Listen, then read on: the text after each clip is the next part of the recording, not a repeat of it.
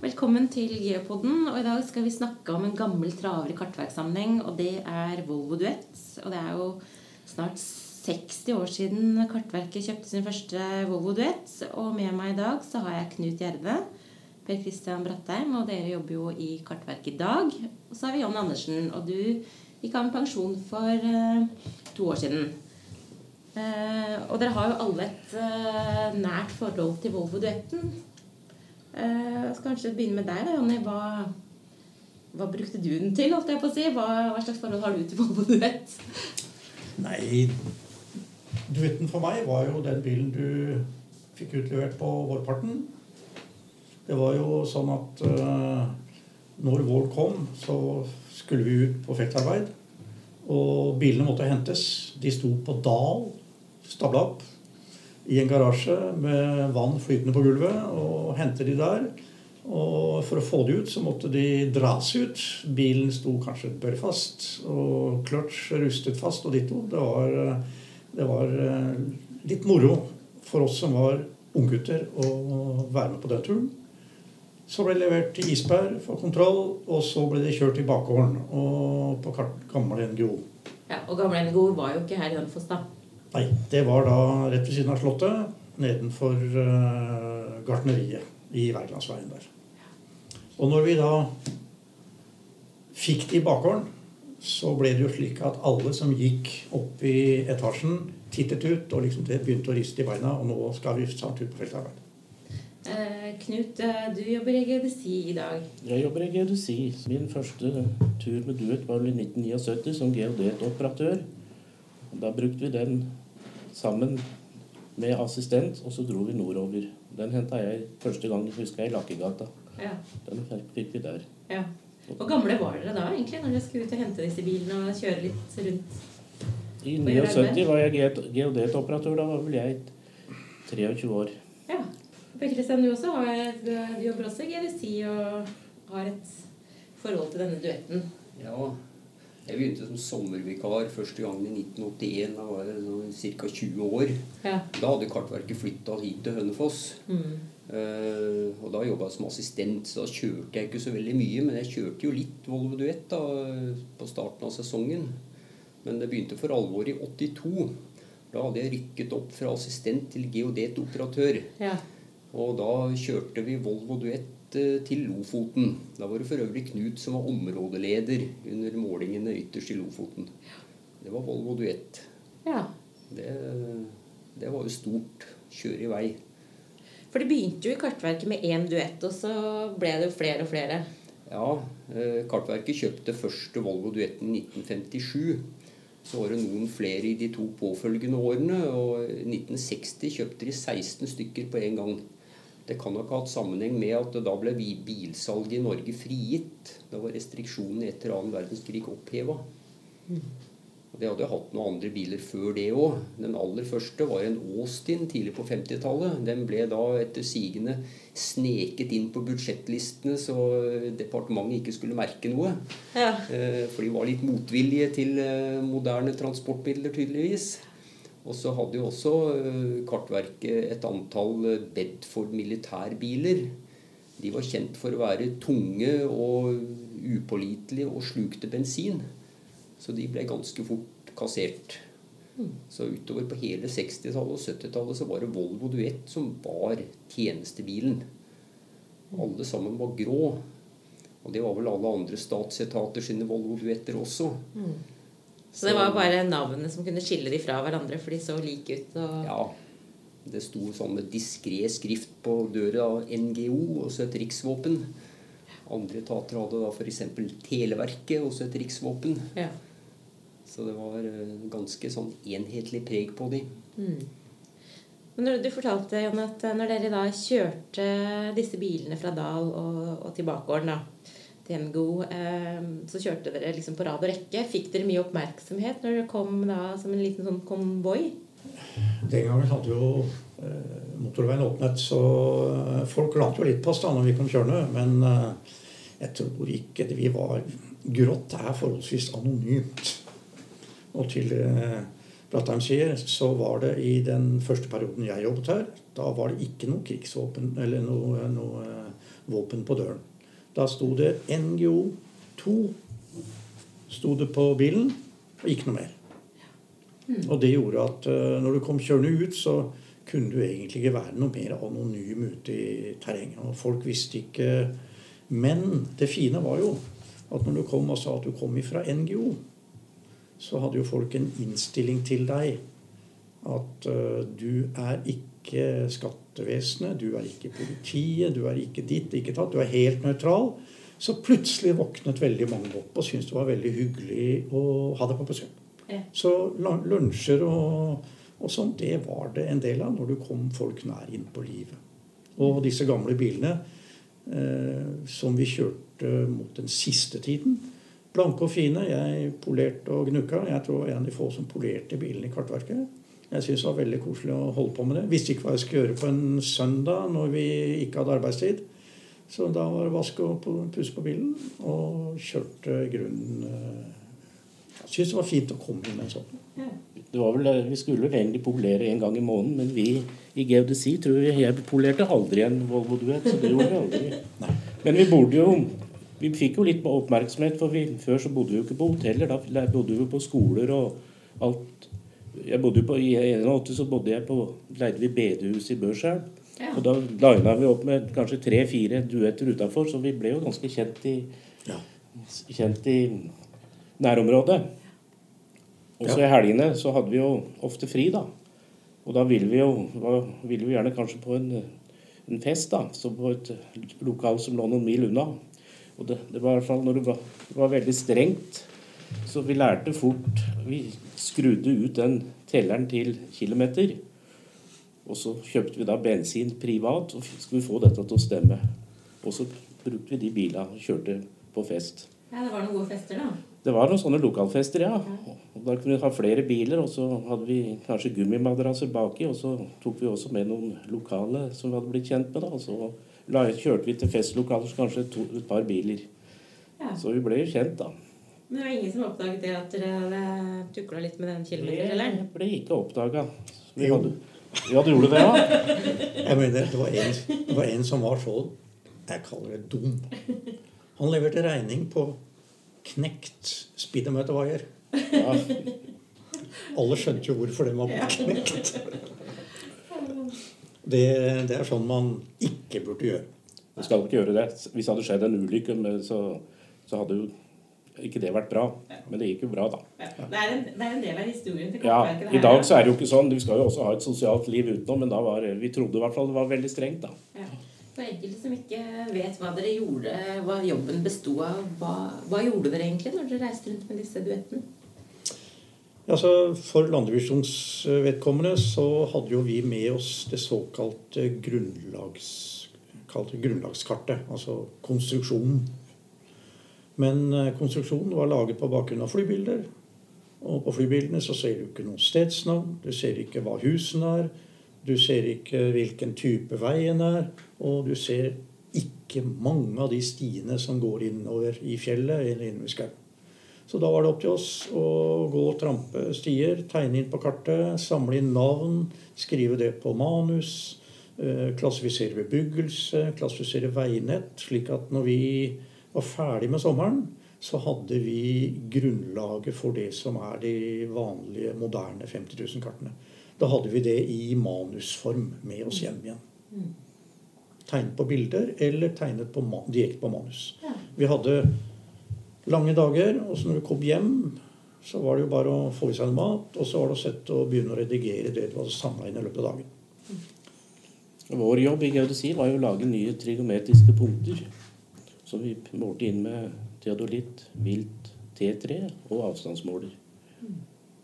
Og da hadde vi forskjellige typer punkter, og det som lå langt inn på fjellet, brukte vi også helikopter til. Så en periode, en sånn i løpet av et par måneder, så kom det et helikopter kanskje 14 dager.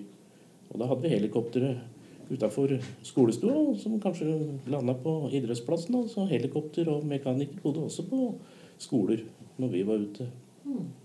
Ofte. Og da brukte vi også de duettene, fordi et helikopter skulle ha drivstoff, hjul. Da hadde vi ofte tok med et fat, 200 liter, baki de duettene og kjørte. Så hadde en base ute så en kunne lande der og fylle opp. Og en gang så rulla et sånt fat ut av en duett da, inne på en sånn skogsbilvei. Det gikk bra. Det gikk bra. Ja. Det gikk to fat bak i en Det gikk to Ja, fat. Det er noen som tok to fat òg. Ja. Jeg tror til og med jeg hadde et halvfullt et på tvers bakerst en gang. ja, Jeg det tror ikke det var så veldig nøye med sikringa. Nei, det var ikke det. Det var HMS. Det var ikke Det var oppfunnet. ikke oppfunnet. Det kom senere. Ja, fordi duettene var jo veldig romslige bak, så dere hadde jo en del med dere.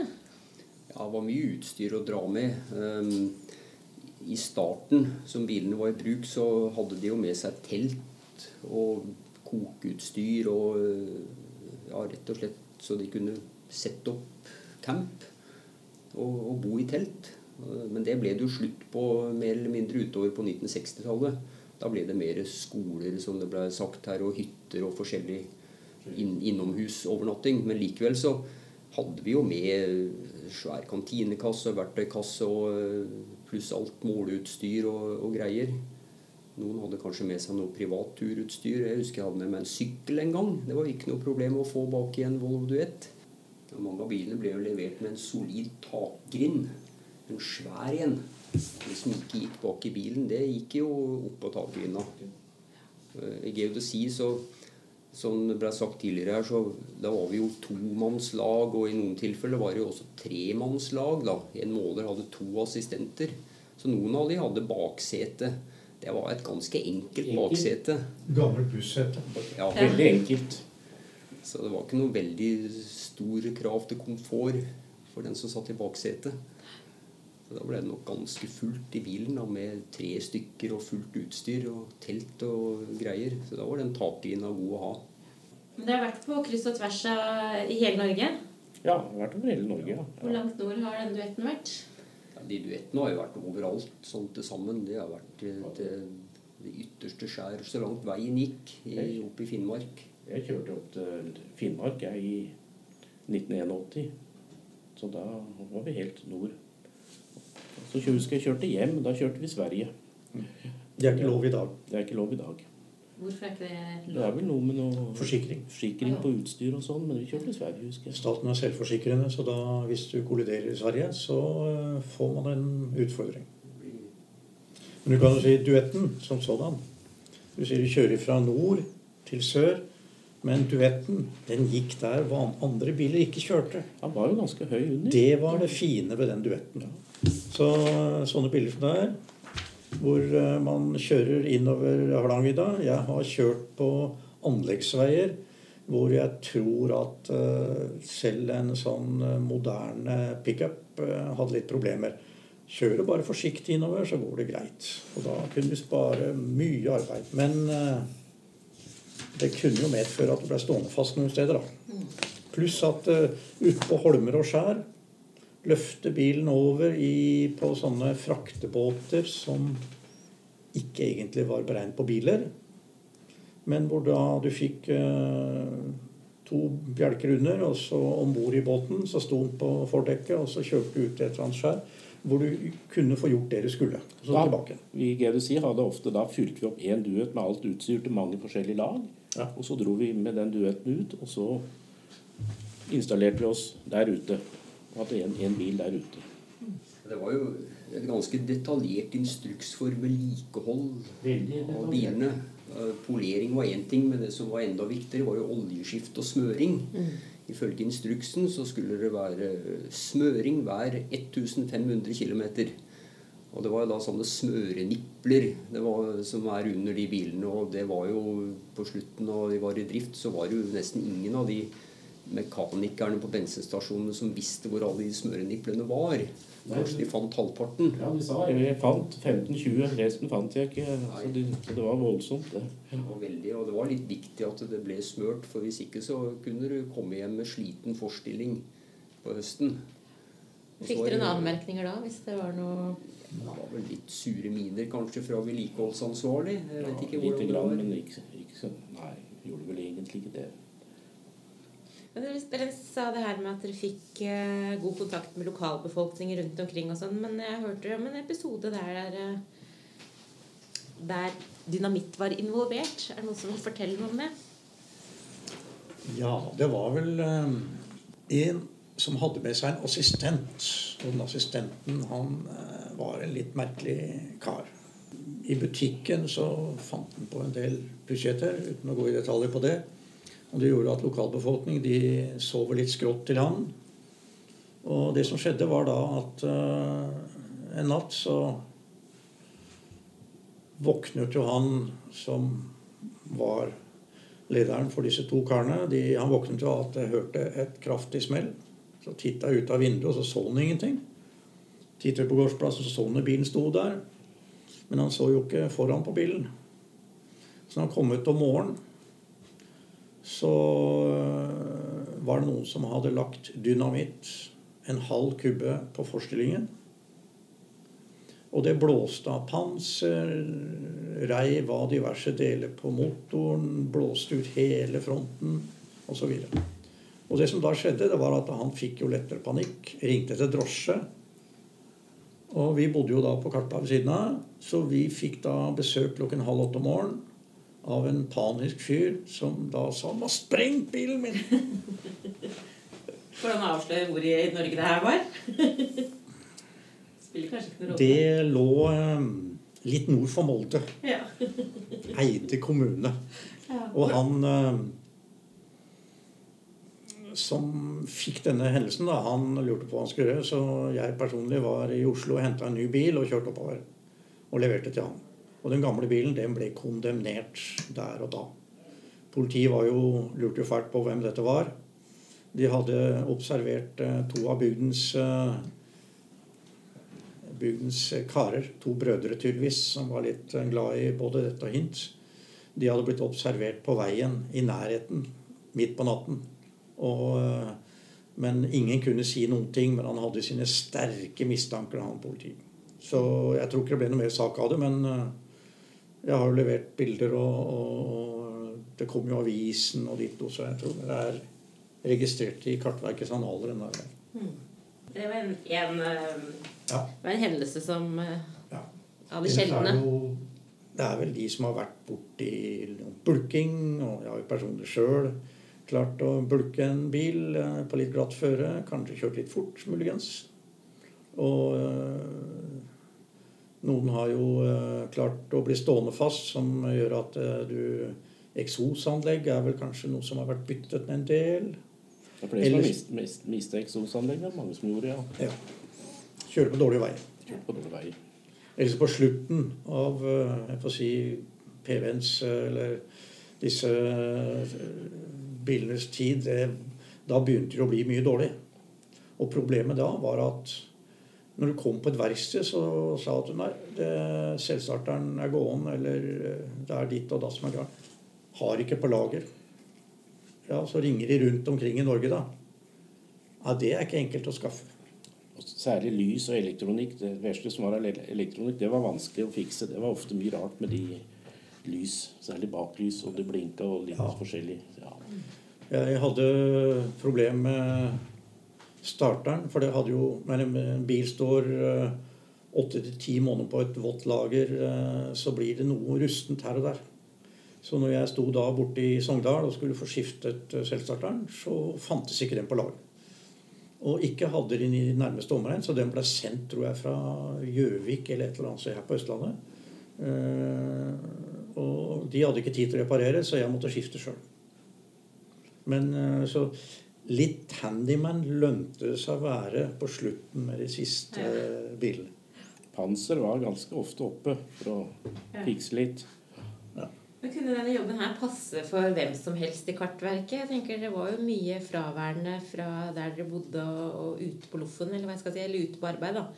Eh, var dere en spesiell gjeng som likte å, å, å være på, på Vi begynte vel i NGO, i geodesi. Og det var vel hos dere òg, pga. at det var likt å være ute i jobben. Det var det som var grunnlaget. At vi tok hele utdannelsen. Tror det, er det. det har vært lenge. Det var jo populært som sommerjobb, da, særlig blant studenter. Det vi begynte å jobbe her om sommeren. Det var jo gode penger å tjene, og du fikk se seg om, fikk oppleve Norge. Og det er faktisk populært ennå å ha sommervikarjobb i Kartverket i JSI. Mange begynte jo som assistenter, og så ble de geodetoperatører. Og så ble noen også fast ansatt etter hvert. Men hvordan har det landmålerlivet eller det endra seg? Det er jo ikke mye telt og skoler det ligger på i dag. Det har endra seg veldig. Vi var mye ute i terrenget. Nå er vi jo veldig mye nære veier. Vi kunne jo gå. Når vi skulle drive med triangulering og måle med den kikkerten, så gikk, kunne vi jo Det var som å vi gikk jo til ett punkt og gjorde det ferdig, og gikk til et annet og gjorde det ferdig. Og det var liksom den dagen. Så det var jo, vi gikk jo en del, og da. Det gjør vi jo ikke i dag på den måten. Har forandra seg nesten til ugjenkjennelig, men det det er jo én ting det har til felles. Det er mye bilkjøring. Det er det fortsatt. Så var det veldig sosialt. Når vi var ute kanskje åtte-ti stykker, ikke sant. Nå var vi mye alene og jobber. Ja. Så det var jo en stor gjeng. Ja, så det var mer sosialt tidligere? My- Mye mer sosialt, og da hadde vi, tok vi ofte en fridag, kanskje en lørdag, da, og dro på en fest og ble kjent med folk. Vi var jo lenge, mange uker på hvert sted, så Landdivisjonen hadde en litt annen attityd til det. i og med at De som var av de gamle når jeg begynte, det var jo det militære. Vi hadde jo folk som var eh, pensjons... eh, Ja, de var i pensjonsalder allerede da. Og jeg mener du arbeider sammen med folk som hadde begynt her omtrent på første verdenskrig, så kommer du bort med mange rare historier som skjedde den gangen på feltarbeid. Men de hadde slik at de hadde ikke ferie i målesesongen. Det var ikke tillatt. Så når vi begynte, så ble det liksom sånn indikert at er det kan liksom ferie. Nei, det var ikke lett og sånn. Men øh, de yngste var jo ikke gift, veldig mange av seg. Så de reiste jo og var borte hele sommeren. Men etter hvert så fikk jo de også familie. Og da ble det liksom akseptert at du kunne få ferie hvis du ikke var for langt unna. Så overtid og, og ferie det- Overtid fantes ikke. det var vel det vi ga- hadde fast når du var tillegg som ute, så var du felttillegg. ute. Felttillegg. Det var Ja. ikke overtid. Så. Nei. Eh, Janne, du nevnte det her med fordeler og litt sånne ulemper ved duetten. Eh, Det å overnatte i duetten, blant annet. Ja, så Duetten var veldig fin til å kjøre med. Tok seg godt fram i terrenget hvis det var litt dårlige veier. Den gangen var det jo ikke fine skogsbilveier, så da var det greit på dårlige skogsbilveier. Og noen ganger så kjørte du så langt inn at du syntes det var greit å overnatte der inne. Eh, og da kunne ligge i bilen. Eh, var det regnvær, så var den tett. Men eh, var det klarvær, så kunne den bli varm om kvelden. God og varm. Mens utpå natta så ble det vått inni bilen. Og da måtte du ha vinduet nede, og så kom myggen inn. Og utpå morgensiden så kom sola. Vi er jo litt heldige i Norge at vi har sol tidlig. Og hvis du hadde parkert litt dumt, så ble det veldig varmt inni bilen. Så da var det å legge seg ut og håpe at ikke myggen spiste opp. Så Volvoen var veldig grei, og du kunne lage mat. Eh, Vi hadde jo med oss propan, eller sånn, ja, propanutstyr. Det satt jo bare på gulvet inne i bilen og fyrte opp. Og. Så du, det var i grunnen en sånn lite hjem, det å sitte i bilen. Og vi som var i landdivisjonen, hvor vi var bare én, vi hadde jo alt pikk og pakk bak i bilen. Og en kasse med litt mat og dekketøy og litt sånn. Det sto i bilen, for du visste aldri hvor du endte hen når du var ute. Dere hadde kontor og hjem i en og samme doning. Ja, vi hadde altså da vanligvis eh, Vi lå jo veldig mye på skoler. Var du alene, så lå du på skole. Veldig mange de lå kanskje leide seg inn på eh, et sommerrom på en gård, eller de leide seg inn på sånne bakrom på gamle hoteller. Eh, og så hadde du med bilen og kjørte litt langt av gårde. Så hvis du ikke gadd å reise hjem, du skulle ut i samme område dagen etter, så var det jo bare å overnatte i bil. Greit. Praktisk. Veldig praktisk. Det var god plass.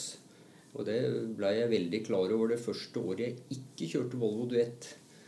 Eh, midt på 80-tallet, 85, da skulle vi oppover og måle et prosjekt i Brønnøysund og området innover der. Og da ble jeg satt om med en Lada 1200 kombi.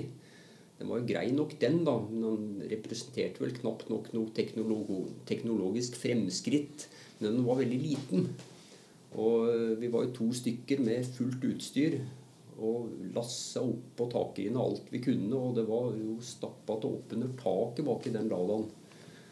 Og det var noe helt annet enn en duett. Der hadde det bare vært å lasse inn bak i bilen uten å tenke noe nærmere over det. Så det var stor forskjell. Men til slutt så løp jo tida fra disse bilene, da. Og noen av de var jo i drift i 25 år. Og det er egentlig helt utrolig. Og etter hvert så, så gikk jo Kartverket over til andre biler, og i dag så er det en helt annen bilpark enn det, det vi hadde den gangen. Men varmer det et gammelt uh, kartverkshjerte å se Volvo Duetter på, på veien? Ja, det er klart det gjør det. det Det gjør det for meg òg. Mange gode minner rundt den tiden. Ja. Det er ikke sånn at du får lyst til å kjøpe en og mekke litt på den? Nei, det gjør jeg ikke. fant inn og streifa der. Ja, det. Ja. Men forholdet var jo at duett og duett var jo veldig mye forskjellig, da. Den her, det er Volvo Duett med B18-motor og fire gir. Dette her var Volvo Duett med tre gir. Og det gjorde at når du skulle reise nordover, så reiste man vanligvis i følge. Landdivisjonen hadde sånn. Vi hadde plass på Skulle opp i Finnmark. Da var det jo et større område som skulle kartlegges. Da kunne reise 384 biler i følge. Og da var det sånn at eh, det var like morsomt hver gang for de som holdt på. I, når du kom oppover i Finnmark, eller oppover i Nordland, så var det jo lange bakker oppover. Og disse her eh, tregira bilene, det var full gass. Og så måtte du ned i annet gir. Ja. Og det var så vidt det trilla oppover. Og disse andre bilene de kom kjølen forbi og vinka vinka hver gang. For de gikk De, der gamle, de gamle B18-motorene de gikk veldig bra. Og det var aldri noe problem med fart eller å holde, liksom, holde kursen. Mens de gamle bilene, andre bilene det Ja. Du brukte tiden. Og det bråka fælt. Det var, eh, de B16-motorene og de tretrinnskassene de var veldig lavt gira. Du kan jo godt ligge og lurke i 40 høygir med en sånn eh, tregiring. Og da sier det seg sjøl at uh, i 70 så var kanskje turtallet høyt nok. Ja. Og 80 var i hvert fall høyt nok. Så da, B18 var nok et stort fremskritt. Og også firetrinnskasse. Synkronisert alle gir. Det var en stor forbedring. De som, de som lånte en, eller som kjørte sånne tretrinnskasser, og som da fikk låne en fire, firetrinnskasse, kjørte den en stund, og så gikk de tilbake til Tretvin. Nesten, tror jeg, nesten alle. De klarte da istedenfor å sette den i første gir, satt den i revers, og så ga de på, og så holdt de på å krasje med bilen bak. Så hvis du bytta på noen sånne biler, så var det litt sånn kom si, kom sa kjøre. Men de kom seg fram. Det var det vesentlige. Veldig fint i vårt bruk. Ideelt i vårt bruk. Jeg vet ikke hvilke. Da måtte det vært Land Rover eller sånt, hvis du skulle hatt noe annet. Jeg tror det at den gangen ledelsen i Kartverket skulle velge biltype, så tror jeg det brukte veldig kort tid på å komme frem til at det fantes ikke så mange alternativer. Det var Volvo Duett. Alternativet ville vært kanskje noe folkevognbuss, folkevognvarebil eller noen ting sånt. Da, men de var jo bygd mest for byområder. Ikke for Jeg, jeg tror det var i den perioden de skulle kjøpe første gangen, hvor det ikke var eh, mulighet til å kjøpe biler fritt.